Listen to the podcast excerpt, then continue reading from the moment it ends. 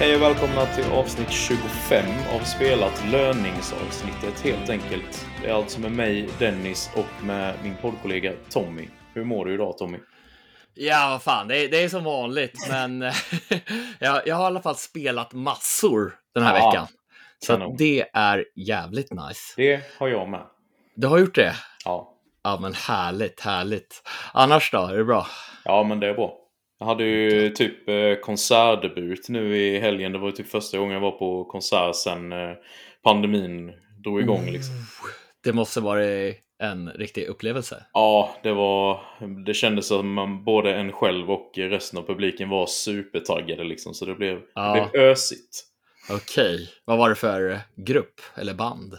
Eh, det var ju eh, tre band som spelade. Det var Imminence, Aviana och Eyes Wide Open. Så det var tre svenska metalband.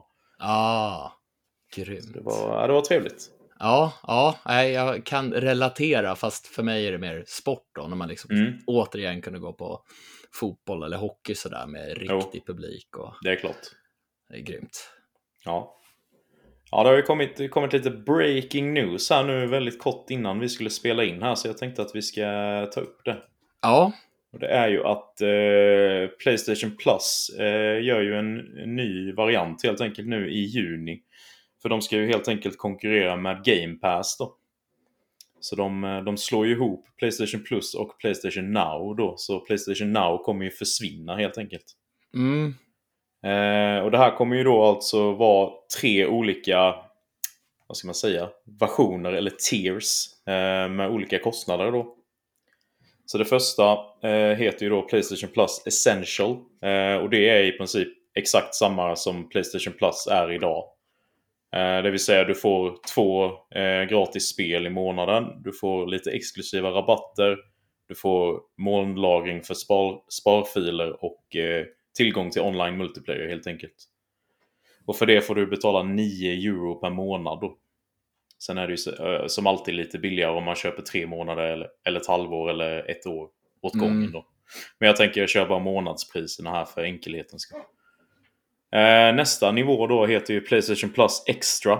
Eh, som kostar då 14 euro i månaden. Och då får du allting som jag nämnde innan. Eh, plus då, det här är ju det nya då, ett bibliotek med upp till 400 av the most enjoyable PS4 and PS5 games. har de eh, berättat vilka de här most enjoyable games är för något? Det känns som lite så här, några spel som typ Spider-Man, Ja, Miles. vi, jag kommer tillbaka till det. ja, ja. Eh, Men det står i alla fall att det kommer vara både då från Playstation Studios, deras First Party Studios liksom, och tredjepartsutvecklare. Ja. Och alla de här upp till 400 spelen ska gå att ladda ner och spela då så inte streaming. Så där blir det ju genast eh, att det blir mats med Game Pass liksom. Mm, Att man slipper streama spelen som det var med PS Now då. eller hur? Sen har vi då den här tredje då nivån, eh, Playstation Plus Premium. Eh, som kommer kosta 17 euro per månad då, det är alltså den dyraste. Då ingår ju allt från de tidigare två nivåerna. Men här får du också ytterligare upp till 340 spel från eh, Playstation 1, Playstation 2, Playstation 3 och PSP. Men det var cloud streaming då va? Eh, Mm. På PS3 är det bara cloud streaming. Men på alla de andra formaten så ska du kunna ladda ner spelen. Ah, okej. Ja, men det är i alla fall. Så jag tror det har någonting med Playstation 3s eh, mjukvara där. Som att den är krånglig och liksom emulera utan att streama liksom. Ja, Måste det vara. Eh, och har du denna då så kan du också streama alla spelen från eh, den tidigare nivån. mm. Du, du får liksom att du kan streama allting om du vill. Och det är ju bara i den här premium-versionen då. Och sen får du också sådana här game trials eh, som är tidsbegränsade då så att du får tillgång till att testa spel innan köp. Så det kan ju också vara trevligt. Ja, ja men det är en ganska bra så här, demoversion. Men jag Mm. tycker ändå att det är lite så här, ja men det är lite reklam och du får betala för, för Jo, reklam. precis. Lite grann, Ja. på något sätt. Sen har de ju också här då, läste jag, det stod lite längre ner, men då har de en utgåva som också heter då Playstation Plus Deluxe. Och det här är ju då för regioner där det inte är möjligt med cloud streaming på grund av begränsad uppkoppling och sånt där. Eh, då får man egentligen allting som ingår i premium minus streaming och Playstation 3-spelen då till ett lite lägre pris. Mm. Så det är ju också bra att de har tänkt på det. Ja. Kan jag tycka. Men som du var inne på lite där då så gick de ju eh, också ut med ett gäng spel som kommer finnas eller ingå vid launch då. Och då har vi Death Stranding, eh, God of War, Marvels Spider-Man, Marvel Spider-Man Miles Morales, Mortal Kombat 11 och Returnal. Så att det är inte kanske de här allra nyaste spelen utan lite, lite äldre. Inte som Ja. Game Pass där som liksom day one när det släpps. Nej, men det är, det är väl det vi inte riktigt vet heller hur det kommer se ut längre fram sen. Om, Nej. eh, om de stora spelen kommer ingå direkt och sånt där. Eh, Det stod något om att de har ständig dialog med sina studios som de kommer vilja inkludera och så här. Men förmodligen Mm. kommer det ju bara ingå i Premium då, eller kanske i Extra också. Det är svårt att säga. Ja, Eh, nej, men jag, vad, vad tror du om det hela? alltså jag, nu har inte jag satt mig in i det här jättemycket, Mm. men jag är lite sådär tveksam. Alltså, Mm. i alla fall om man är som mig som gärna spelar det mesta när det kommer och sen har, har det mesta. Sen, sen kan jag förstå att man, ja, men det kan vara ganska gött att få ett bibliotek med massa spel för Mm. en viss kostnad.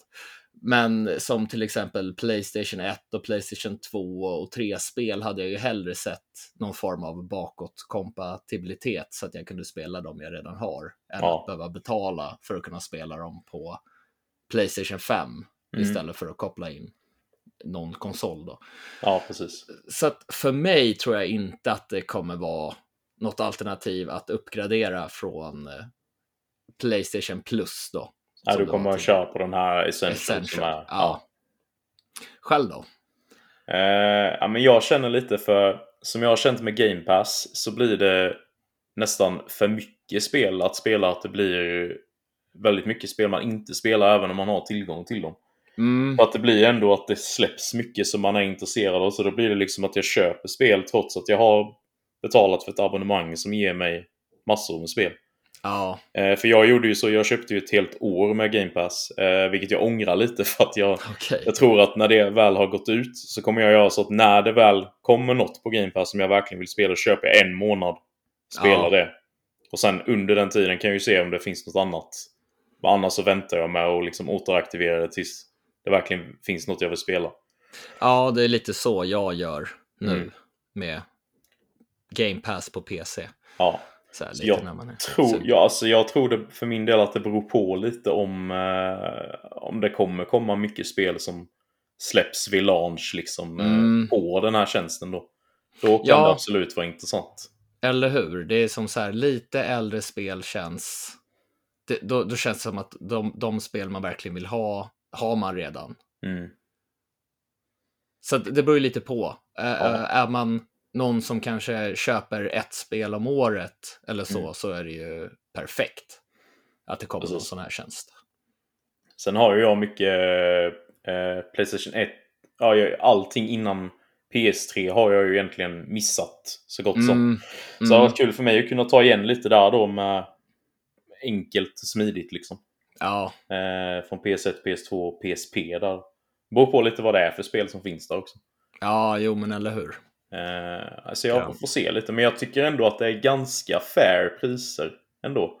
Mm, Om man ser till den här extra då, den här mittennivån. Den ligger ju på ungefär exakt samma som Game Pass. Och Hur är erbjuder det- ju ungefär samma grej. För jag såg väl någon var väl typ någon tusenlapp, lite drygt. Det här premium. Eller Ja, det, var ju, det är ju för ett år då. Ja, ja, exakt. Eh, 11-1200 tror jag till och med det var. Ja, hur står sig det mot typ Ultimate? Jag har inte riktigt koll på priserna till Xbox Game Pass. Eh, oj, jag vet inte riktigt vad de tar för ett helt år. Så, eh, jag köpte ju lite från en annan, en typ tredjepartssida också så att det blev billigare. Ja, Men om man köper direkt från dem vet jag inte riktigt vad det kan gå på. Nej, men det, det ska bli kul att se lite vilka spel som kommer, om det är några day one-spel som Mm. kommer dit direkt vid launch. launch. Ja, sen är det ju lite som jag tänker jag att Playstation har ju redan sin trogna fanbase. Alltså man kan ju säga att del, dels taktiken med Game Pass var nog ett sätt för Microsoft att vinna tillbaka mycket publik efter Mm. hela Xbox One-generationen som inte gick så bra för dem. Ja, Och liksom eh, ja, ha en riktigt bra deal eller så.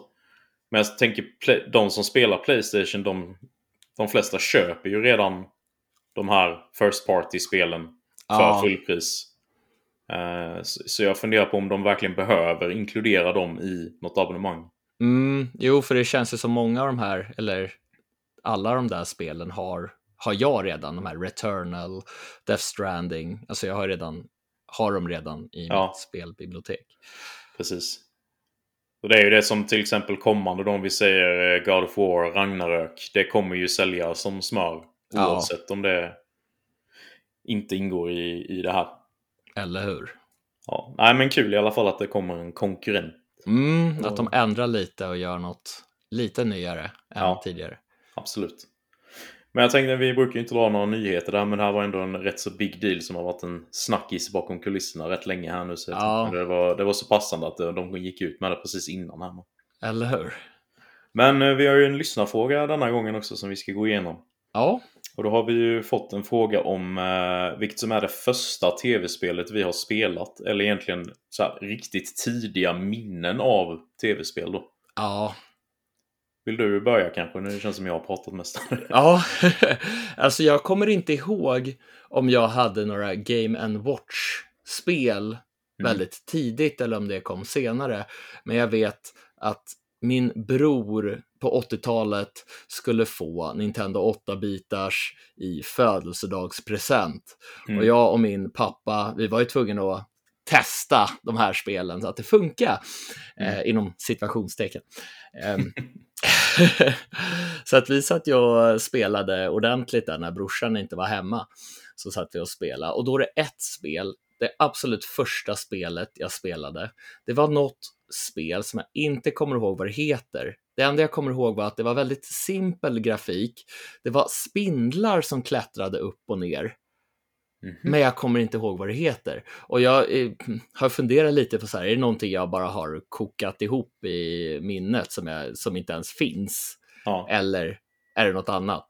Annars så tror jag att det var det här första minnet, att det var Paperboy. Mm. Som jag... Heter, heter det Paperboy? Nu blir Jag jag, tror det. Ja, Det är väl det här eh, man är typ tidningsbud och cyklar. exakt. Ja. Så, så det spelade vi väldigt mycket. Jag kommer ihåg att min brorsa sa hela tiden, Åh, men kasta in eh, tidningar genom fönstret på de röda husen och kasta, kasta hur mycket som helst. Då, Mm. då, ja, jag vet inte. Så jag träffade ju aldrig brevlådorna, men jag träffade de röda husen. Ja. Det var till NES. ja, Mm. exakt. Så att, eh, så, så att det var ju liksom, Nintendo 8-bitars var den konsol jag spelade mycket på allra Mm. först. Och sen, sen kom ju Sega Mega Drive, men det har jag väl pratat ganska mycket om här i podden Ja. flera gånger tror jag. Ja, precis. Så att jag, jag tänker så här, ett minne, mitt första minne med Playstation-konsolen, alltså det är ju inte, det är ju inte ett av de här allra tidigaste minnena, men jag kommer ihåg att man satt där med gula tidningen, det var det man skaffade då när man skulle köpa nya, nya elektronikprodukter Mm. begagnat. Och sen så hittade jag ett eh, Playstation. Det var med, nu ska vi se, Mickey Mouse Adventures, tror jag det heter. Nej, Mickey's Wild Adventure. Jaha. Och det började med så här typ på, ja det är väl 30-talet kom, tror jag, som Musse Pigg kom ut. Så det är ju så här svartvitt i början. Så Ja. det går ju liksom igenom eh, ja, Musses historia, det här plattformsspelet. Jag tyckte att det var Aha. väldigt, väldigt häftigt. Till Sega Mega Drive så spelade jag ju många så här Disney-spel och de var ju väldigt bra till eh, den här 16-bitars generationen. Mm. Och, och sen så fick jag det då till Playstation, det var ju riktigt snygg grafik och det var riktigt kul, men det var väldigt kort. Och jag kommer ihåg, då kom en kompis som, som pratade med mig och en annan kompis som vi som hade så här, suttit och spelat det här Musse-spelet då. Mm. Och han började prata om Alien och han hade sett den filmen och det var så häftigt och, och vi började prata om Alien i det här Musse-spelet. Ja. vi var inte riktigt där vid Alien än. Nej. Så att, och så tyckte jag det var så häftigt det här med att man tryck på så att, att den här, eh, vad ska man säga, att, att luckan öppnades vid diskläsaren. Mm. Så vi satt där hela tiden bara Open Sesame och så öppnades den. vi tyckte vi var väldigt coola men Ja. ja, så att det, det, det var kul. ja, härligt. Själv då? Ja, det är så svårt att säga. Alltså, jag vet inte riktigt om det räknas som tv-spel direkt. Men jag vet att när jag gick på dagis så hade vi ju en, liksom en så här dator. Och där Mm. hade man ju mycket sådana här typ peka, klicka, lär dig typ stava-spel och sånt Ja, där. Eh, som man tyckte var skithäftigt och roligt liksom. Så man ville ju bara spela hela tiden. Men det fick man ju inte. Det var ju så här begränsad tid hela tiden. ja, För det var ju många att dela på det. precis. Jag tror ju att det måste ha kommit innan man hade något själv. Eh, sen vet jag ju att jag testade eh, Ni- Nintendo 8-bitar stå hemma hos någon släkting. Eh, och då minns jag väldigt tydligt att det var något så här Flintstones-spel Mhm, som var jättesvårt. okej. Eh, och det var även det här Adventure Island, tror jag det heter. Det känner jag igen. Så jag vet inte om de var väldigt glada i så här förhistoriska spelen. För det är lite samma tema på dem. Eller om det bara var en slump att de hade just de två spelen. Ja, Eh, nej men sen så fick jag ju ett, eh, ett Super Nintendo själv då. Eh, Ah. Så det är ju det första jag hade liksom. Och då tror det bör, jag tror att det bandlades med Super Mario World i de flesta fall. Mm, För jag vet att jag hade det väldigt tidigt, men jag undrar om jag inte fick Donkey Kong Country samtidigt. Eh, för jag kan inte minnas vilket av dem jag spelade först. nej. Eh, så det var ju mycket plattformande där i början. Det är väl därför jag är så glad i det än idag också. Eh, Ja, Att man började med det liksom. Sen fick jag också tidigt då till SNES det här... Eh, eh, det var också ett Musse Pigg-spel faktiskt. Det här Mickey's Magical Quest tror jag det heter. ja, Eh, och där var det ju liksom så här att man... Det var ju också lite plattforming, men det var ju mycket det här att man... Man fick typ olika dräkter så att eh, Musse fick olika förmågor då. Man kunde bli en, en trollkarl, man kunde bli en brandman så att man fick så här vattenspruta och sånt där. ja. Ja, det, var, det har jag väldigt goda minnen från det spelet. Jag vet att jag höll på med det väldigt länge också för det var ganska svårt men jag klarade det till slut. Ja. Ja, för då satt man ju typ med ett och samma spel väldigt, väldigt länge. Började om från början, Ja, körde en bit, dog, började om. Ja, precis. Nej, man hade ju inte pengar liksom så man fick ju bara nöja sig till Ja, nästa födelsedag eller jul. Men det, det var härligt. Då fick man ju egentligen ut mer av spelen. ja, Så vis, idag är man ju så bortskämd med det. är det så himla lätt tillgång. ja, det är liksom lätt tillgång till så många olika spel Ja, precis. på ett annat sätt. Och även då vet jag ju för... Nu är det rätt många år sedan, men när, man körde, när jag körde mycket PC ett tag där var man ju rätt så glad i piratkopiering kan jag ju erkänna. Okej. Då var det ju extremt tillgång eh, till Ja. alla senaste spelen hela tiden. Liksom, så det var... Men då blev det också att man spelade ju knappt. Och det blev ju liksom så här... Åh, det har kommit ut nu, ladda ner, testa det. Bara, ja, min dator klarar att spela detta. Och sen spelar man kanske en timme och sen bara, ja. Ja, Man såg liksom inte värdet i spelen på samma sätt. nej, jag kan tänka mig det, så här, så man hoppar på nästa nya Ja. som kommer hela tiden. Och det är lite det jag eh, känner nu med, med Game Pass och så här också. Då. Mm, Att det blir, i och med att man har så mycket så blir det så här, ja, alla spel blir typ ett i mängden på ett något Ja. sätt. Ja, det var Lätt. lite sidospår då, men lätt att liksom hitta, hitta något annat som är så här, man får det här nya fräscha snabbt och sen går det över och sen hoppar man på nästa. mm. Jo, men precis. Nej, men jag hoppas att det var eh, svar på, på frågan. Ja, Vi, vi tackar för frågan. det gör vi, det är gött. Den har ju, den har ju kommit in på vår, vår kära Discord. Eh, som Mm. vi återigen rekommenderar om man inte är med där. Så hoppa in. Verkligen. Gör det. Eh, men som du nämnde innan så har vi ju spelat massor så vi måste ju börja snacka om det nu. Ja.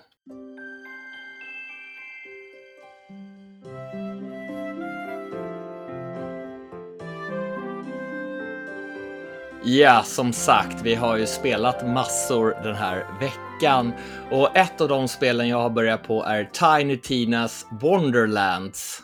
Mm. Och jag, ja, gött.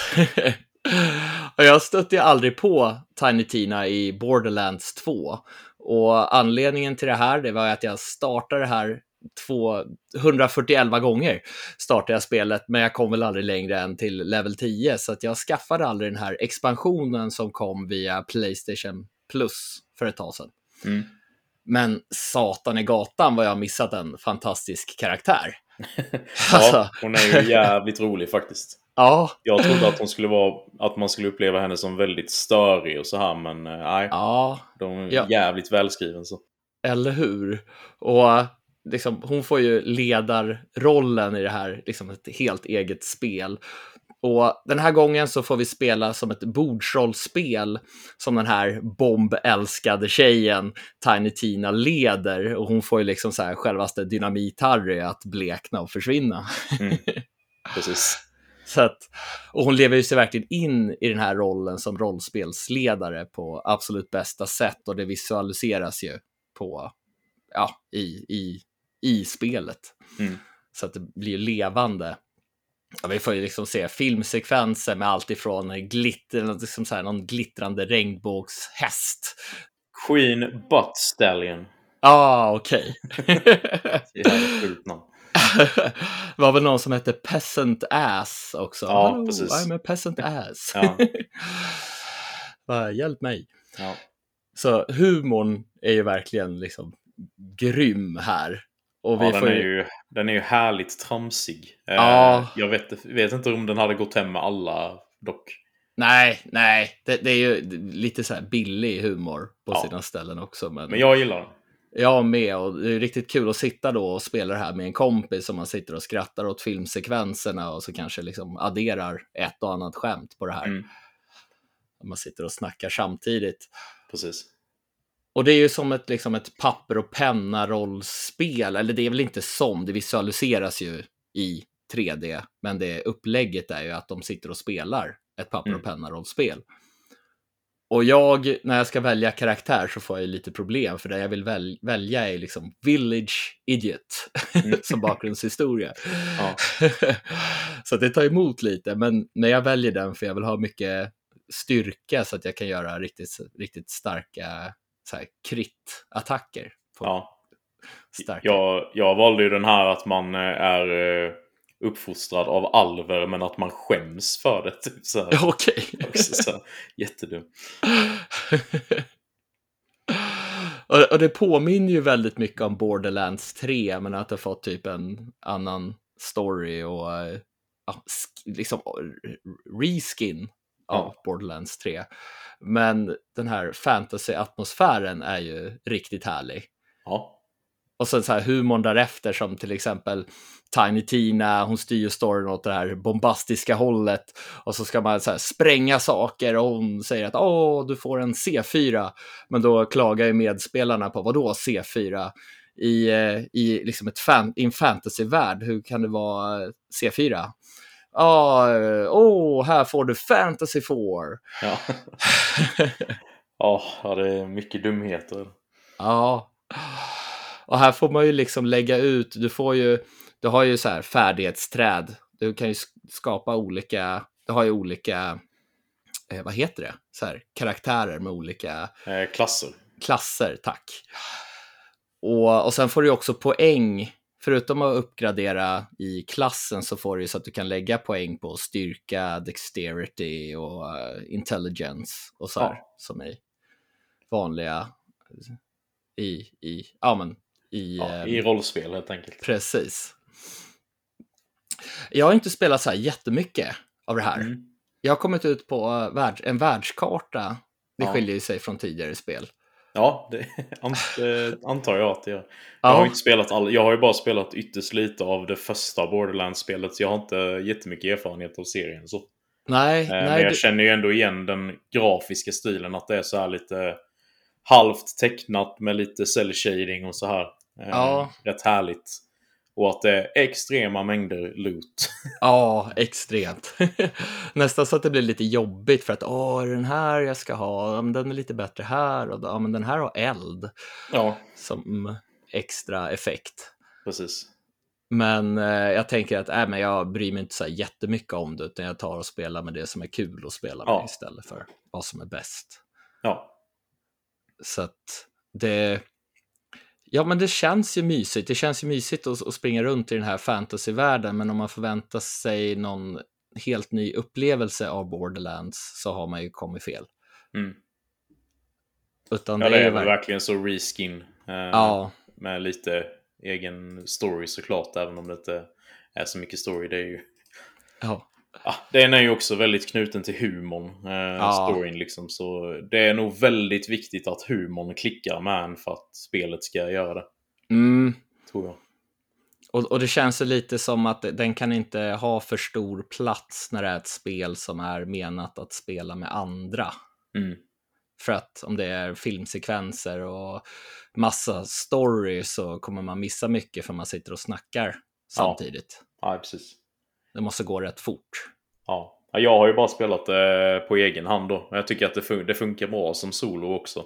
Ja, Eh, till skillnad från till exempel Back for Blood då när jag testade det. Det tyckte jag ju var supertråkigt när man spelade själv. Men jag kunde ändå tänka mig att det blir roligare eh, i co ja, Men detta Jo. känner jag ändå funkar både och. Det, hade, det, är, det skiner säkert starkare i co-op, men det funkar att spela själv också.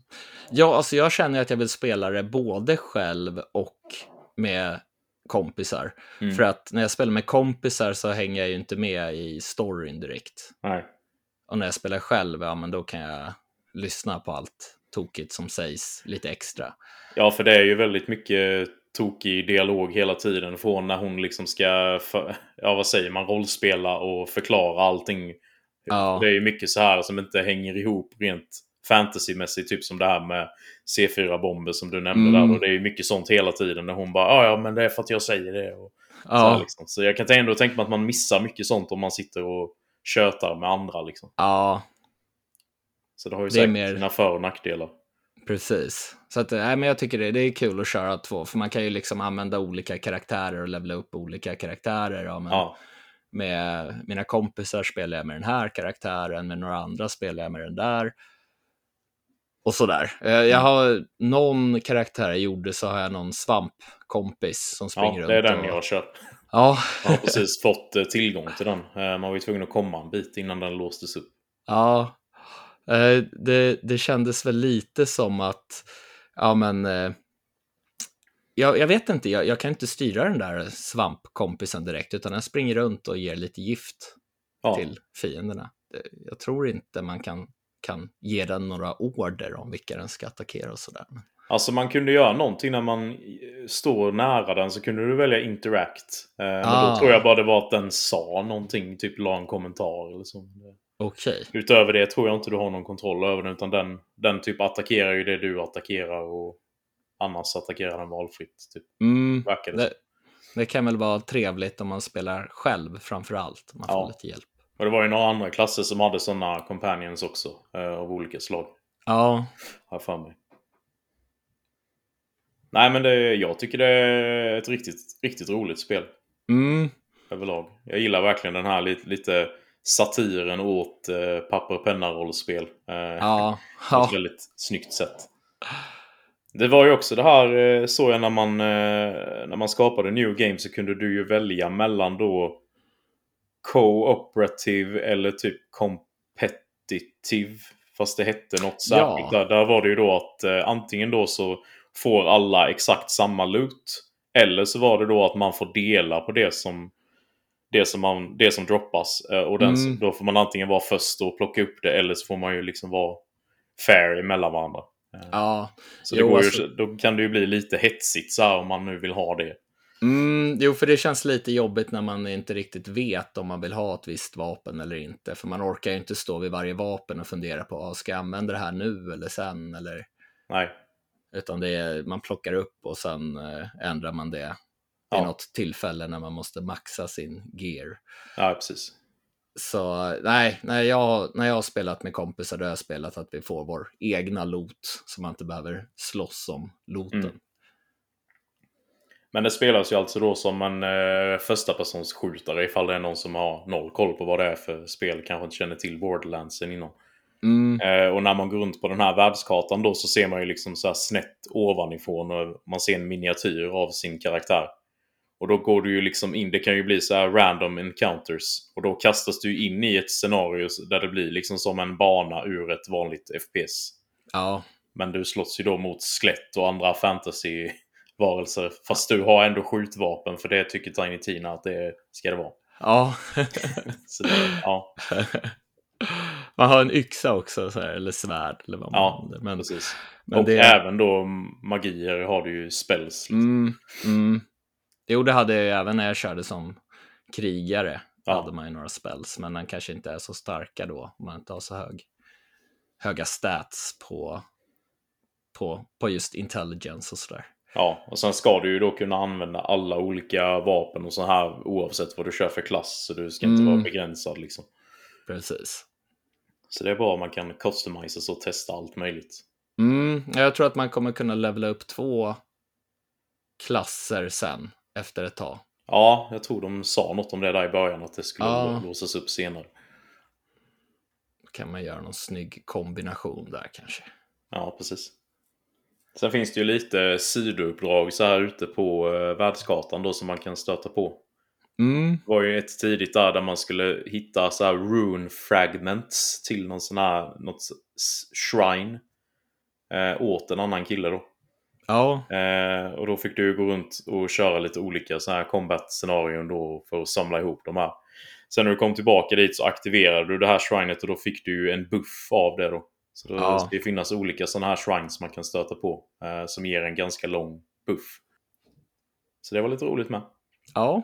Nej, alltså jag är ju sugen på att fortsätta Mm. ändå. Lite sådär spela med kompisar och ja, men köra lite själv också. Ja, Det ska väl inte vara jättelångt vad jag har förstått det som, utan typ 12 timmar om man kör main story. ja, Och sen 17 timmar om man ska göra allt. Så det, det känns lite så här, lite lagom faktiskt. ja, lite lagom tycker jag. Jag har väl kört 3-4 timmar kanske. Ja, Något sånt. Eh, men en grej som jag hade lite problem med med spelet var ljudet. Eller Mhm. ljudbilden i spelet. Och det läste jag online att det var något som hade tillkommit med någon patch här nu då. jaha. Det var liksom... Spelet har mycket lägre ljud än vad min eh, konsol har. Eh, överlag. Jag har ju spelat på Playstation 5 då. Ja, Så, så jämfört med liksom huvudmenyn på konsolen i spelet så är det mycket lägre. Och även då dialogen är mycket lägre än det andra i spelet trots att allt är på samma nivå i inställningarna. okej. Så det verkar vara något de har krånglat till där men jag hoppas att det patchas snart. Ja, Men det är inget du har reagerat på eller? Även när du har nej. kört själv? Alltså jag spelade det ju typ direkt vid releasedagen, så jag vet inte om det var, var det någon patch som kom efter det eller var det day one? Ja, jag har inte patchen? koll på det, alltså. Nej. Det är inget jag har tänkt på. Nej, nej men jag märkte det väldigt tydligt när jag sen, för jag drog igång ett annat spel sen och då var det ju skyhögt liksom så jag fick ju sänka som bara den. Ja, Eh, Så det... Men det är ju en minor complaint så. Eh, Sen tycker jag att det är lite... Musiken i spelet är väl inte sådär... Det är ju knappt någon musik vad jag tänker på. nej, alltså det är ingenting jag ens har lagt märke till. Nej. Men det behöver det väl kanske inte vara så mycket heller. Nej. Men det hade ändå kunnat vara lite pampig så här eh, actionmusik i, i striderna och så. Men det, det är oftast ganska tyst och man hör ju bara alla ljudeffekter. och Så. Ja, speciellt om det är några mer större strider med bossar och sådär så vill man ju ha lite episk musik. Ja. Precis. Men annars är det ju absolut en eh, rekommendation. Mm. Om man vill ha ett schysst co-op-spel. Liksom. Så länge man inte är trött på Borderlands-formulan. För att Ja, jag känner mig väl lite sådär, ja ja, here we go again. ja, ja, men precis. För mig är det ju ganska färskt då i och med att jag har missat Ja. både tvåan och trean och den här spin-offen. Ettan är nog det jag har kört mest. För Mm. det tyckte jag var väldigt bra. Det enda som jag kände där, det var väl att miljöerna var väldigt lika varandra där. Mm. Men ettan var ju så... Det var så nytt koncept när det kom här Mm. kändes det som. På något sätt. Vad jag minns. Ja, alltså jag kommer ihåg på, var på en pressvisning där. Jag tror jag stod i tre timmar och spelade. Mm. Härligt.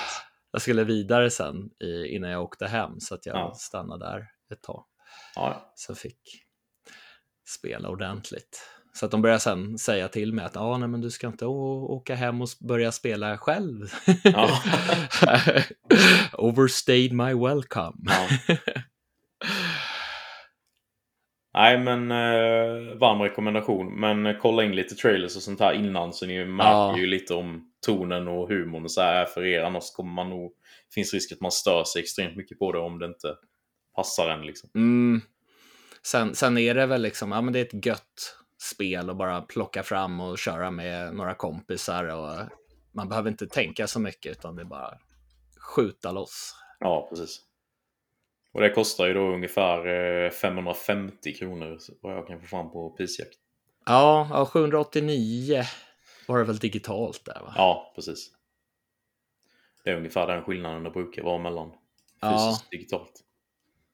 Och det finns ju till Playstation 5 och PS4 och Xbox Series X och S och Xbox One och PC.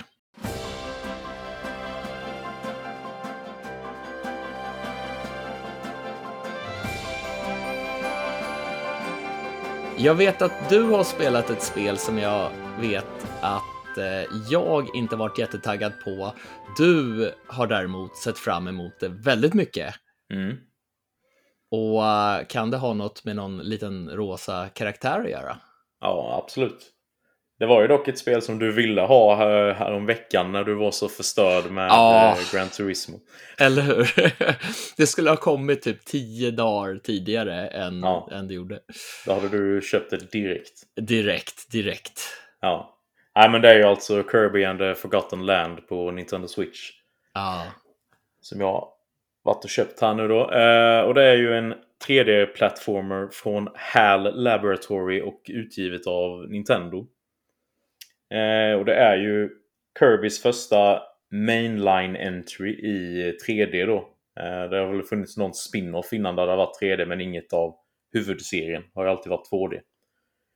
Eh, men det handlar då om att det kommer en mörk vortex. Jag vet inte hur man ska översätta vortex. Nej. Nej men typ en tornado eller så här på Ja. himlen i alla fall. Och de su- suger ju ut eh, Kirby och eh, flera av de här Waddle Dees då från eh, deras värld till en helt ny värld. Och Kirby vaknar upp på en strand och vet inte alls var han är. Eh, och börjar se sig omkring då. Och märker ju då att det liknar ju väldigt mycket ja, men en människovärld liksom. Det är ju mycket vanliga byggnader, skyskrapor och allt möjligt. Eh, han stöter ju på då eh, kvarlev, kvarlevor från eh, Waddle D-Town som är helt förstörd. Upptäcker ju då att eh, det är ett ont gäng med djurliknande varelser som kallas för Beast Pack. Oh. Ja, de är, de är otäcka. Ja. Vargar och stora läskiga apor och allt vad det är. ja. Eh, men de har ju kidnappat alla de här Waldies och burat in dem. Eh, och Kirby stöter då på en liten chinchilla-liknande varelse som är ljusblå. Eh, som heter Elflin. Och hon, eller jag tror det är en hon i alla fall, eh, försöker ju då på egen hand rädda alla de här Waddledees. Men hon blir också tillfångatagen. Så då blir det att det första man får göra är ju att rädda hen. Och eh, då slår, slår de samman sig. Så det är ju din hjälpreda genom spelet helt enkelt. Och så ska du ju rädda då alla Waddle Dees. Som är tillfångatagna över den här nya världen då. Mm. Och då är det ju indelat i eh, världar eller banor. Vad ska man, nej men världar kan vi säga. Så du har ju liksom som en världskarta där du flyger runt med Elfelin då. Och så går du ju in i banor. Eh. Och kör liksom. Och på dem, jag tycker att de här banorna, upplägget på dem påminner mig mycket om eh, Super Mario Odyssey. Eh, på, på ett väldigt bra sätt. Ja. Och då har du ju så här, ba, bara du klarar banan, tar dig igenom den, så räddar du tre sådana här Waddle Dees då, för de sitter ju i en, i en bur i slutet varje gång liksom. Men sen finns det också då tre till fem stycken gömda eh, någonstans på banan som sitter i enskilda burar. Då. Så då har du det att göra. Och sen finns det också gömda missions på varje bana eh, som du inte vet vad det är. Men då kan det vara att du råkar göra något till exempel. Så bara åh, det var visst mission. Då Jaha. räddar du en Waddle genom det liksom. Så, så att får man aldrig reda på vad det här hemliga missionet är innan man har klarat det? Eh, när du klarar banan, om det är något du inte har lyckats göra då, så, blir du, så ser du frågetecknen och då får du veta vad det var du missade. Ah, så då kan du okej. liksom köra om banan och klara det och sen springa i mål. Så lite replay value. Ja, precis. Och det blev ju lite så i början att jag, då blev det att jag körde om banor flera gånger för att göra allt på dem. Eh, sen började det bli lite repetitivt i längden. Ja. Jag, det, eller det blir tröttsamt att köra om banor rättare sagt. Eh, så till slut blev det att jag bara, ah, jag klarar det jag gör på första playthroughen för jag får ändå ihop tillräckligt. Mm. Eh, Det är ju i slutet av varje sån här värld då så behöver du ha räddat ett visst antal för att låsa upp bossbanan. Mhm. Eh, Eh, men det är oftast ett ganska lågt antal du behöver ha räddat så man behöver inte jaga så mycket. Eh, men det finns också då bonusbanor på de olika världarna eh, som kallas för Treasure Road. Och på de här så är det liksom olika challenges som är knutna till Kirbys olika sådana här copy abilities. Det är ju hela Kirbys grej då är ju att han, han suger in i en fiende i munnen och då får Ja. han dens eh, krafter liksom. Så det kan ju vara en liten, du, om du stöter på en liten riddare med svärd så äter du upp honom och helt plötsligt så har du en eh, Link-liknande luva och ett svärd som ser ut som Master Sword. Okej, häftigt. Så då, eh, och i de här Treasure Road-banorna då så har du challenges som är knutna till en viss sån här. Och i slutet av dem så får du Rare Stones. Och de här Rare Stones ihop med eh, pengar som du samlar ihop då, det är ju guldmynt. Så kan du uppgradera dina copy abilities under spelets gång. Men för att uppgradera dem så måste du också hitta blueprints som ligger gömda på de olika banorna. Så det är väldigt mycket så här gömda saker på de olika banorna. Ja, Så det är, det är väldigt matigt spel på, på så vis. ja Även alltså, det, det går nog att ta sig igenom väldigt snabbt om man bara liksom kör klara banorna och tar sig vidare. ja. Jo, för jag kommer ihåg att jag gillade ju verkligen eh, Kirby's Adventure till Nintendo 8-bitars. Se- Sen har inte jag varit sådär jättesugen på att spela nya spel, även om jag tyckte att det var väldigt kul när jag var liten och, Mm. och sådär. Just för att det har ju inte varit så utmanande. Nej, och det är ju inte detta spelet heller tyvärr. Eh, du har ju två olika svårighetsgrader. Eh, och det ena heter då Wild Mode har jag för mig. Och där Ja, får du ju liksom extra uppgraderingsmaterial och sånt för att du klarar det på den nivån. Och den andra heter, jag kommer inte ihåg vad den andra heter. Eh, Om den heter typ Easy Mode eller något sånt där. Men det är ju verkligen för barn som ja, ja, inte spelar så mycket. Att de ändå ska kunna ta sig igenom banorna. Och jag tror knappt man kan dö på den svårighetsgraden och sånt där. okej. Eh, men även då på den här svåra svårighetsgraden så är det ju knappt någon utmaning heller. Alltså du tar ju dig igenom spelet. Är du någorlunda erfaren av att spela spel liksom, så är det ju inga problem.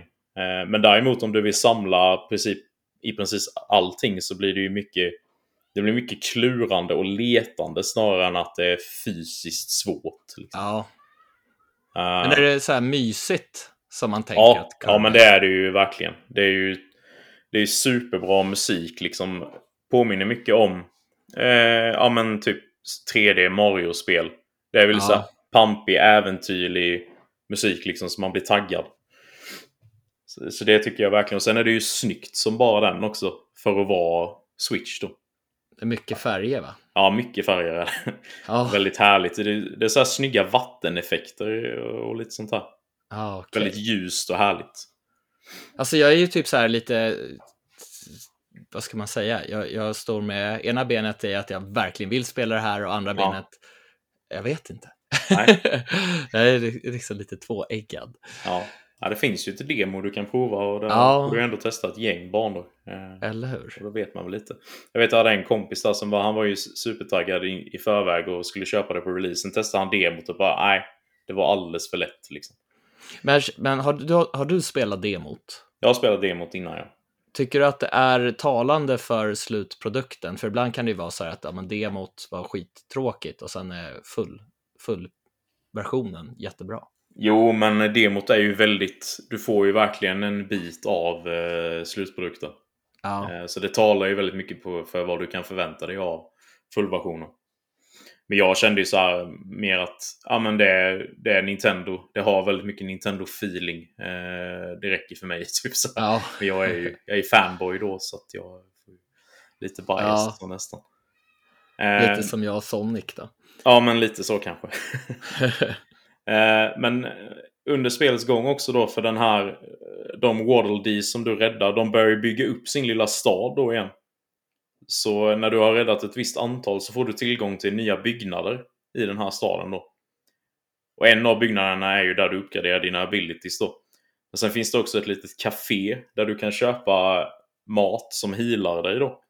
Mm. Antingen då så kan du välja att äta den direkt och hila dig eller så kan du välja to go så att du tar med dig den och då har du liksom som ett healing item som du har i nödfall.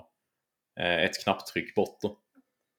Så det, det hade ju egentligen knappt behövts kanske när det, när det är så Nej. pass icke utmanande som det är. Men ja, det är väl en kul grej också. Ja. Är det, är det som vissa, eller jag vet inte om det är första Kirby-spelet där man typ kan flyga igenom hela, om man vill.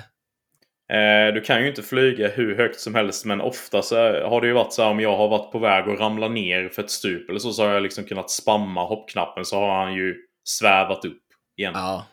Eh, så det, ja, det är väl lite halvt så. Det är ju det är väldigt lätt i alla fall. Ja. Eh, men du får också tillgång till en byggnad i, i den här staden då som heter Waddle Deliveries. Och där kan du ange olika koder då som du kan hitta i spelet eh, som ger dig bonusar. Till exempel sådana här uppgraderingsmaterial. Då. Och jag vet att i spelade man hela demot så fick man två sådana här koder då som man kunde använda sen i fullversionen. ja, men det låter ju trevligt att få Ja, lite, Precis. lite grejer för. Ja. Sen, eh, ja, det kommer lite mer byggnader och eh, saker du kan göra i den här lilla staden. Men jag behöver inte spoila allting för de som vill spela det sen. Ja. Eh, Skulle men, du säga att du rekommenderar det här? Ja, men absolut, det gör jag ju. Eh, generellt. Eh, men jag har skrivit lite plus och minus här då. Eh, som sagt, väldigt, väldigt lätt spel. Det kan ju vara lite för lätt för många. Jag kände Ja. det lite att jag... Jag satt och spelade en ganska lång session först och sen kände jag bara att jag måste bryta av med något annat nu. Lite för att det blir lite repetitivt eh, med plattformsspel när det inte är så svårt. Mm. Så då bröt jag av lite med ett annat spel. Men sen kom jag tillbaka och bara ah, det är så himla roligt. Ja. Eh, och, och sen men däremot så är det ju då, i och med att det är så lätt så är det ju väldigt tillgängligt för barn. Om man då är småbarnsförälder eller så, så är det ju absolut, det är bara att köpa liksom. För det är toppen. Eh, det är ju ett co-op-läge i spelet också. Okej. Som, jag, som jag testade lite med min sambo. Men där var det ju verkligen så här att den som var player 2 var ju extremt begränsad. Eh, och ja, det kändes som att det var väldigt utvecklat för att man skulle spela det med ett barn. Liksom. Ja. Så där är det ju nog roligare att spela själv om man är två vuxna. Liksom. Det är bättre Mm. att turas om då. För att, få inte, för att få någon form av utmaning. Men det känns ju som ett väldigt bra, eller låter som ett väldigt bra spel om man spelar med någon som är väldigt liten, Mm.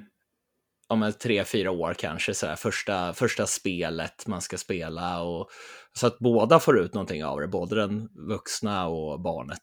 Ja, ja, men det tror jag verkligen. Alltså vill man introducera sina barn till, till spel som ändå är något modernt så är ju detta verkligen ett eh, kanon, kanonspel för det ändamålet. Ja, ja, för jag vet ju till exempel Kirby's Adventure har ju varit perfekt att spela med mina syskonbarn Mm. när de var, var mindre, Ja, till exempel. precis. Eh, nej, men utöver det, att det är lite tråkig co-op för vuxna, eh, lite för lätt, så har jag ju bara skrivit positivt. Jag har skrivit att det är charmigt som bara den med musiken och grafiken och allting. Väldigt snyggt. Och härlig och äventyrlig musik. Eh, och det kostar cirka 500 kronor fysiskt och 600 kronor digitalt. Ja, det är kanske skönt att bryta av efter dusterna med Elden Ring. Ja, ja men det har varit skönt med lite mer eh, linjära spel. efter. Ja, Men eh, ja, det var nog det jag hade att säga om det. ja, En eh, rekommendation.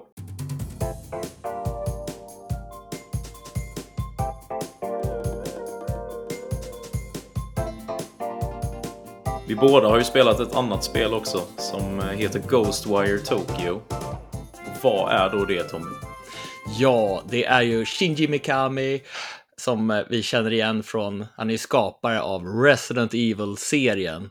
Och han har ju tillsammans med Tango Gameworks, hans studio då, släppt ett av årets mest efterlängtade actionäventyr och det är ju Ghostwire Tokyo.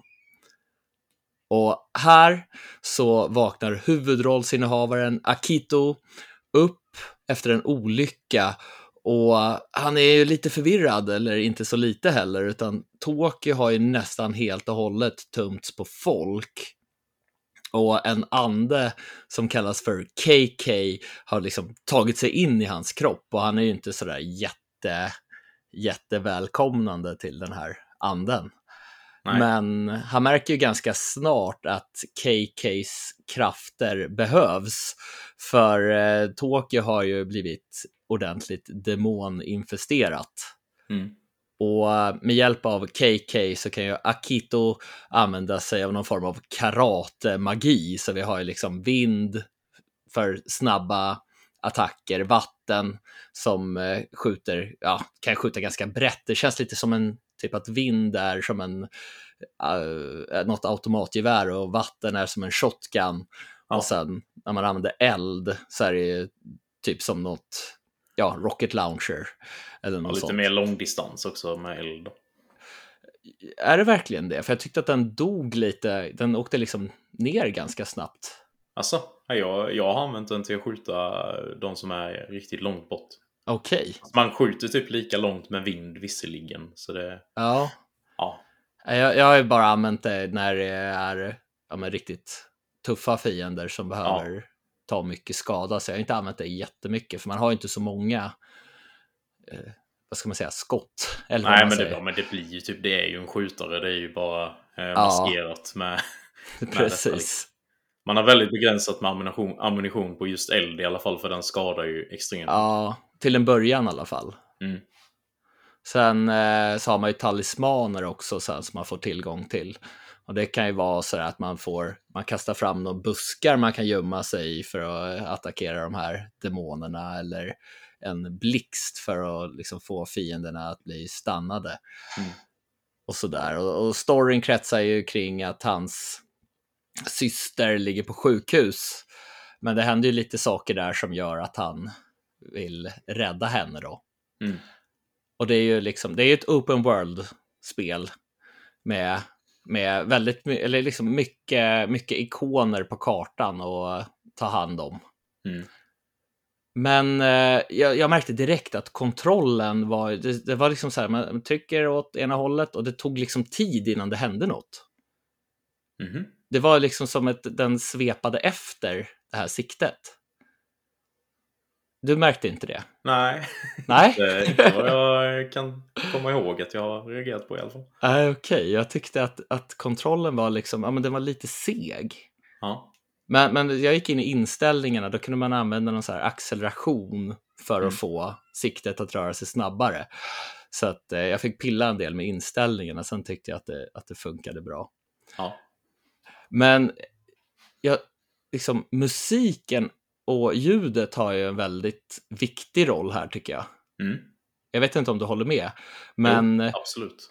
det här, det är ju, det ska ju vara lite skräck, fast det är ju inte sådär speciellt läskigt ska jag inte säga. Det har varit några få, få moment, eh, tycker jag.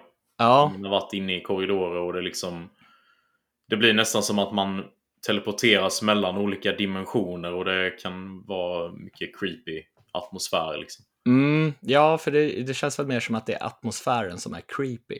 Ja, Sen men kan det vara- väl ute i staden så är det ju inte direkt läskigt. Utan är Nej. det mer actionorienterat. Alltså de gångerna jag har varit rädd, det är när man har nästan högst volym på headsetet och det verkligen så här dundrar uh, igång med, med ljudet när det Ja. kommer någon, några fiender och sen så gatulyserna blir liksom så här, ja de blir jätteröda och så sprider sig. Ljuset är, ljuseffekten är väldigt snygga i det här spelet. Ja. Och, och en, en intressant sak är att du kan ju köpa så här, låtar på, hos olika katter. Ja. Alla merchants är ju såna här kattandar Ja, ja. som svävar. Och, och jag vet inte om man kan göra det här i många andra spel, men det är inget jag brukar lägga liksom, in-game pengar på. Men jag köpte på mig alla låtar. Och sen kan man ju liksom, man gör så här siduppdrag. Mm. Så kan man ju sätta på några sådana här låtar som gör att det blir väldigt stämningsfullt. För det är liksom låtar som är passande till spelet. Ja. Och då kan det vara låtar med sångare och sådär som, som eh, eh, ja, men, men med sång. För det är ju väldigt få spel som har låtar med sångare. ja, precis. Mycket i alla fall. Så det, det tyckte jag var effektfullt. Annars så är ju, de försöker ju få till någon spännande story, men jag tycker inte att den här berättelsen är särskilt jättekul. Eller vad Nej. säger du? Den är, väl, den är helt okej tycker jag. Eh, Ja. Jag tycker att den, den var väldigt intressant till en början. Mm. Sen har den släpat lite ju längre man har kommit. Ja, jag har väl kört ungefär 70 procent tror jag. Ja, jag vet inte riktigt hur mycket jag har. Men jag har Nej. kört ganska många timmar i alla fall. Jag har ju lagt ner väldigt mycket tid på sidequests. Mm. Det gjorde Och jag det- mycket till en början. Sen så tyckte jag att de började bli lite repeterande. Så då blev det att jag körde mer story. Ja, Som det För jag- brukar bli för min del. Ja. World-spel. jo, för i början tyckte jag att de ändå var ganska varierade. Ja, Att, att det var liksom ett nytt här, ja men nu, nu ska jag upp på något högt tak och hur tar jag mig upp? För att det är ju väldigt mycket sådär, vad ska man säga, eh, parkour-liknande ja inslag. jo, men det är det ju. Så att, eh, ja men det var kul. Och sen så, ja men så ska man följa efter någon, eh, någon sorts, eh, vad ska man säga, från, från, från asiatiska sägner, legender. Mm. Sådär, mycket, mycket sådana olika sorters figurer.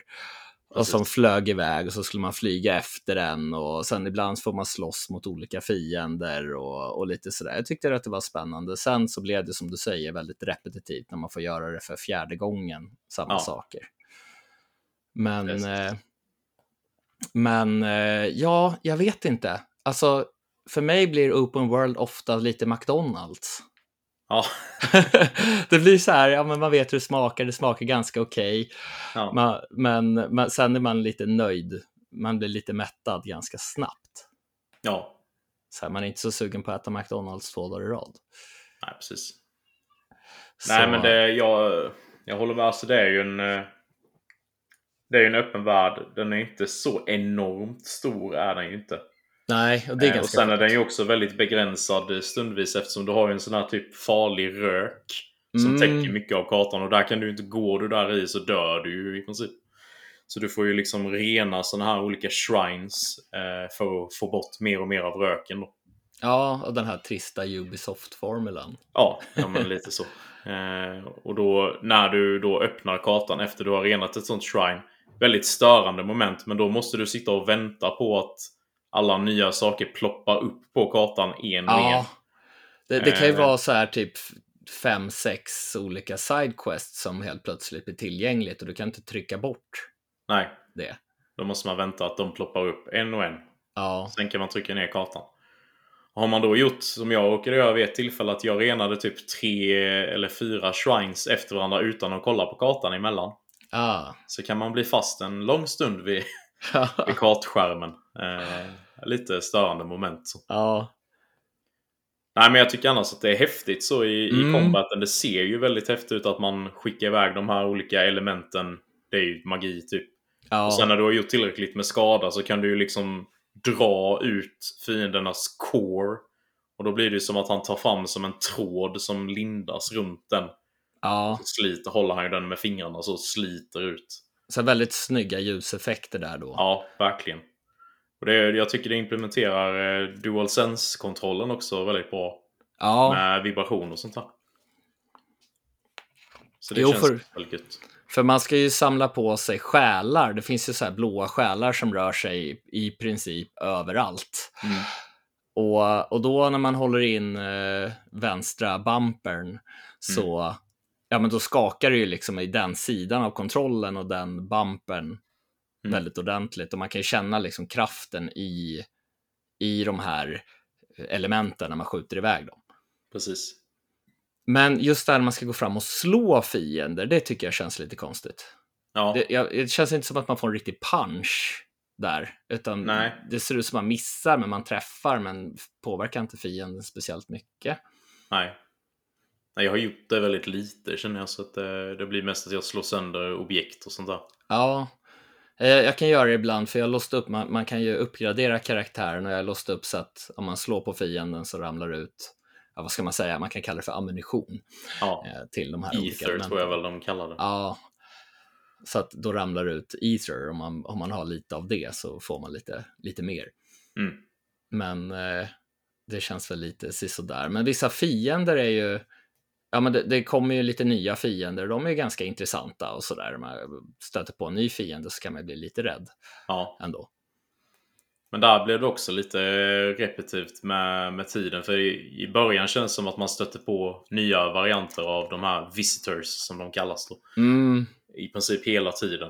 Eh, men nu känns det som att det börjar repeteras för min del.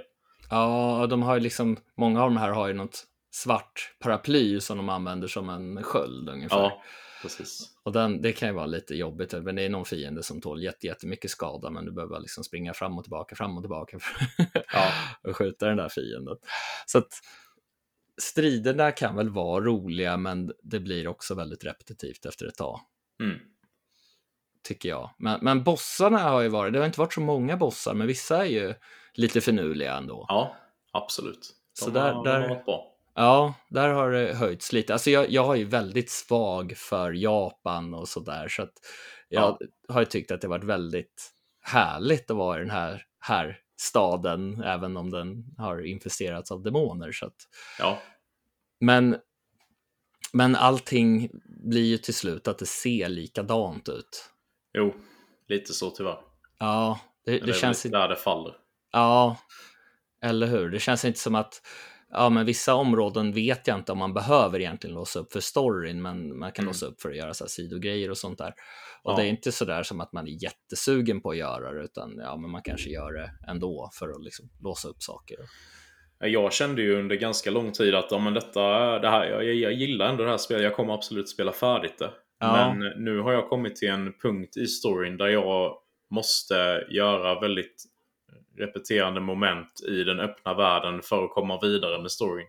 Mm. Då ledsnade jag direkt i princip. Så jag har Okej. inte spelat mer sedan dess. Får se om jag ens gör det. Jag undrar om vi är på samma ställe då. Ja, kanske. Vi får, Ja. vi får stämma av sen. Nej, men alltså, jag har varit väldigt negativ nu, men jag tycker ändå om det här spelet. Alltså, Mm. jag tycker ändå att det är ett bra, det, det, det, det är ett schysst spel ändå. Ja. Det är som så här, ja, men man är lite sugen på att veta vad som händer, även om storyn och samtalet mellan de här karaktärerna är lite ja, tråkigt och sådär. Så, Jo. så att det, det är liksom eh, ändå lite spännande och helt okej gameplay Ja, ändå. absolut. Men, men jag är också trött på alla sidogrejer som ploppar upp överallt. Ja, jo, men det är ju väldigt mycket. Däremot tycker Mm. jag att eh, den eh, japanska voice actingen är väldigt bra i spelet. Ja, Faktiskt. Den känns väldigt autentisk på något sätt. mm, Det är ju inte så här jobbiga anime-röster heller som jag vet att många inte gillar. Utan det är ju det är vanliga röster liksom. Som ja, De känns som filmskådisar typ. eller hur. Sen, sen kan jag vara lite sådär, alltså det är ju japanska röstskådespelare och det är ju en, en eh, ja men det är ju atmosfär till att ja, vi är i Tokyo nu och det, det är Mm. trevligt. Men om man är inne mitt in, ja man håller på att göra saker, då är det Ja. svårt att sitta och läsa text samtidigt som de pratar. Jo, absolut. Så där, kan jag, där missar man ju lite ändå vad de säger. Ja, Eller så får man liksom stanna upp och okej, nu får jag sitta där och läsa vad de säger för att hänga med. Ja, jag har försökt så här, gå upp och ner med ögonen hela tiden till texten och, och vad som händer på skärmen. Ja. Man blir väldigt så här, trött i huvudet om man... Så på så vis kan det vara skönt att köra engelska. Det finns ju engelska röster också Ja, om man vill Men- ha det. men, men jag har också kört på de japanska. Tycker jag ändå Mm. att det ger en, en skön, skön atmosfär till spelet. Ja. ja, det var ju inställt som default i detta spelet. Men det är väldigt trevligt för jag tycker att i de flesta japanska spel så brukar det vara inställt på engelska som standard. Mm. Men här var det tvärtom. Det var, och då kände jag ja men då ska jag verkligen spela det på japanska. Annars så brukar jag ju vara lite svag för så här halvdålig engelsk dubbning. Ja. Som jag är lite uppväxt med. Uh, Men här nej, vill ja. jag ha det autentiskt. Riktigt Mm. Tokyo-känsla. Det, det tycker jag ändå de levererar. Ja, jo, jo, för jag känner också det. Efter Yakuza där så, Mm. man är i, här då, då ska det vara japanska röstskådespelare. Ja. Men det är väl en halvrekommendation eller? Mm, eh, kanske ja. inte riktigt till fullpris. Nej, utan det, det, det, det är ett bra spel som Ja. har, har sin- sina brister som många andra såna här open world-spel har. Mm. Sen tycker jag liksom grafiken känns ju på något sätt lite gammal. Samtidigt som den har snygga effekter med ljuset som jag har pratat om flera gånger nu och vatt- Ja. vatteneffekterna är ju väldigt snygga och sådär. Ja men det är väl sån här ray tracing måste det vara som. För Ja. det speglas ju extremt snyggt i vattenpölar och på eh, skyskrapor och sånt där. Ja, Men samtidigt så här texturer på karaktärerna och sånt så ser ju lite så här, ja det ser rätt gammalt ut. mm, Så det är, det, det är lite så här, ibland ser det jättemodernt ut och ibland ser det jättegammalt ut. ja. Det pendlar eller- lite däremellan. Och jag har ju kört, det fanns väl tre olika grafikmodes va? Mm, Det fanns ju Fidelity Mode, Performance Mode och High Performance Mode eller vad det hette. För där, där var det ju Unlocked FPS. ja, Så att det går att köra i upp till 120 då. Men då är det, Precis. kan den också dippa ner under 60 fattade jag det som. mm, ja, jag har ju så, kört med fast på 60, men jag, Ja. min tv klarar bara 60. Jo, ja, men det är samma. Man får ge eh, ungefär 500 kronor för det för, på PS5 och ungefär 400 kronor på PC. Ja, Och det finns ju då bara till PS5 och PC. precis. Så, ryktas väl om att det ska komma till Xbox sen. ja, lite jag senare. tror till och med att de har sagt att det är tidsexklusivt på eh, PS5. så Ah, det, okej. om i, jag tror i ett år. Så jag tror att vid denna tiden nästa år så får man detta på Game Pass till och med. Kan Ja, jag för det är, ju, det är ju eller vet du, Bethesda som ger Mm. ut spelet är ju ägt av Microsoft. Så det känns väl som, som en ganska, ganska Ja. säker, säkert kort. Exakt. Så eh, kan ni sitta lugnt i båten i ett år så, och ha Game Pass så eh, vänta. Ja,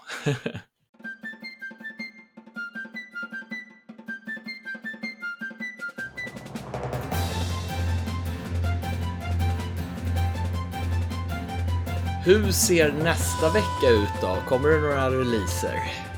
Det är en eh, blygsam eh, lista är det men eh, nu har jag handplockat lite här. Ja. Sorterade bort rätt mycket som jag kände på var, vad säger man, shovelware. Ah. Men en, ett stort släpp nästa vecka som jag är ganska sugen på är ju Lego Star Wars The Skywalker Saga. ja, Kommer ju till eh, PS5, Series X och S, PS4, Xbox One, Switch och PC den 5 april. Då. Och det ska ju alltså vara... De har ju gjort spel på sju av filmerna innan tror jag. mhm. Och hur ska det är här det vara då? Ja, det här är ju alla nio då. Oj, Så åttan alltså, och nian har de inte gjort spel på innan, så det är ju det nya här då. Och sen det andra är väl remastered eller remake. Jag vet inte riktigt. ja, så det är liksom en riktig ordentlig samling. Ja, det är det ju. Eh, så det, ja, jag, ju, jag har ju bara testat Lego Harry Potter innan. Eh, Ja. där fastnade jag inte så hårt. Kom väl igenom det första spelet i alla fall. eh, year one då, eller vad man säger. Ja, men jag känner ju mycket mer för Star Wars också personligen. Så jag, ja, jag är väldigt sugen. jag tyckte ju Lego City Undercover är det bästa Lego-spelet som jag har spelat i alla fall. Mm. Det Det var verkar riktigt trevligt. stort. Då. Även om jag inte är så mycket för open world så tyckte jag ändå att det var trevligt. Ja. Men jag har hört också att de ska ha moderniserat gameplayet i, i detta också. Mm, Så att det ska kännas rätt så modernt. Med ja, men vissa skjutarmoment så är det liksom sikta med, med en trigger och skjuta med den andra. Så ja.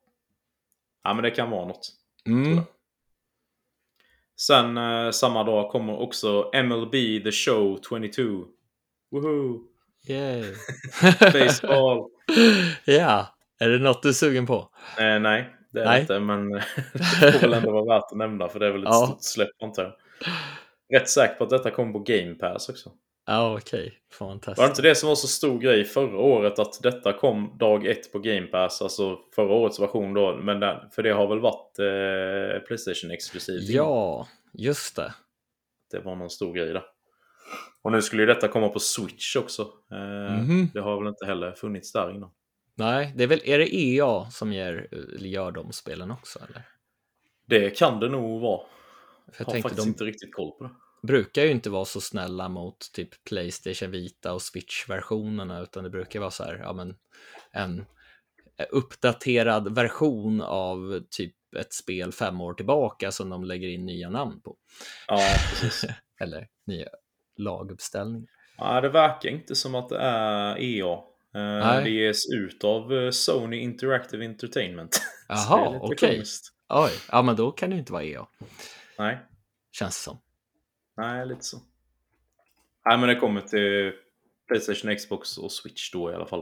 Eh, Mm. Båda generationerna på de förstnämnda. Sen har vi ju då ett spel som du och jag ser fram emot här. Det är ju Chrono Cross The Radical Dreamers Edition. Ja. Vad Alltså har jag, du har för ju, förväntningar? alltså jag har ju börjat ettan till Playstation 1 två gånger tror jag. Mm. Och på den tiden så var jag inte så himla för... Alltså jag ville ju kunna grinda hur mycket jag ville. Men där till slut så fick man ett erfarenhetspoäng efter ett tag tills man spöade någon boss. Mm. Men jag tyckte att det var supermysigt. Ja. Och idag är jag inte alls så att jag behöver grinda sönder spel. Jag Nej. vill inte lägga så mycket tid på, på strider. Så att jag är riktigt taggad. Mm. Ja, jag har hört väldigt bra om detta. Det är ju typ en halvt uppföljare till Chrono Trigger då, även om man nog inte ska se dem som att de hör ihop på något sätt. Nej, nej, av det jag har upplevt med Playstation 1-versionen så tyckte jag ju inte att det var likt så. Men jag har ju inte Mm. spelat mycket av det. Men det var väldigt länge sedan Ja. jag körde det. Men eh, Chrono Cross i sig har ju fått skyhöga betyg när det kom till Playstation 1 också. Så det ska Mm. bli, ska bli väldigt spännande att äntligen få prova det. Ja, det har ju bara släppts i Japan och USA tidigare, så jag har aldrig släppts i Europa. Just det, så var det. Eh, och det kommer ju nu då till Playstation 4, Xbox One, Switch och PC den 7 Yes. april. Eh, och det var faktiskt de släppen jag hade. Ja, Men eh, det är väl inte fy skam. nej, nej. Det har ju varit väldigt intensivt tidigare veckor här nu så det är väl skönt att det lugnar sig lite grann. Ja, så man hinner, hinner spela klart det man Ja. har.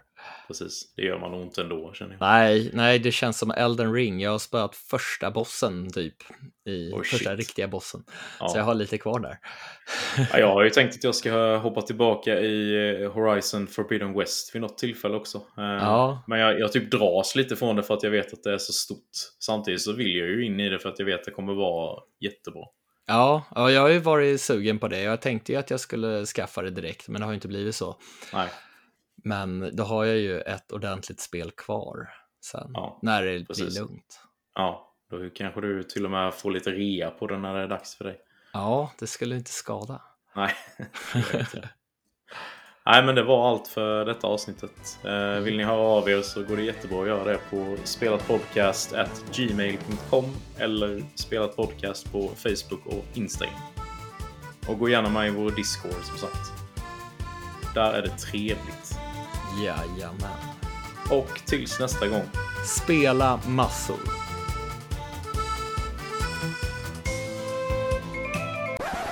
Vänta, vänta lite här nu. Jag Ja. jag såg en grej på min telefon. här. Det. Vad var detta? Launch timing update for the sequel to Legend of Zelda Breath of the Wild. La Nintendo precis ut på Youtube. Jaha. En och en halv minut. Jag måste, jag måste titta på detta. Ja.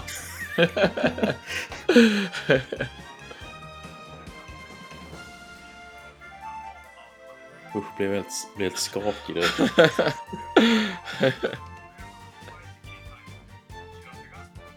Tror du det kommer i år?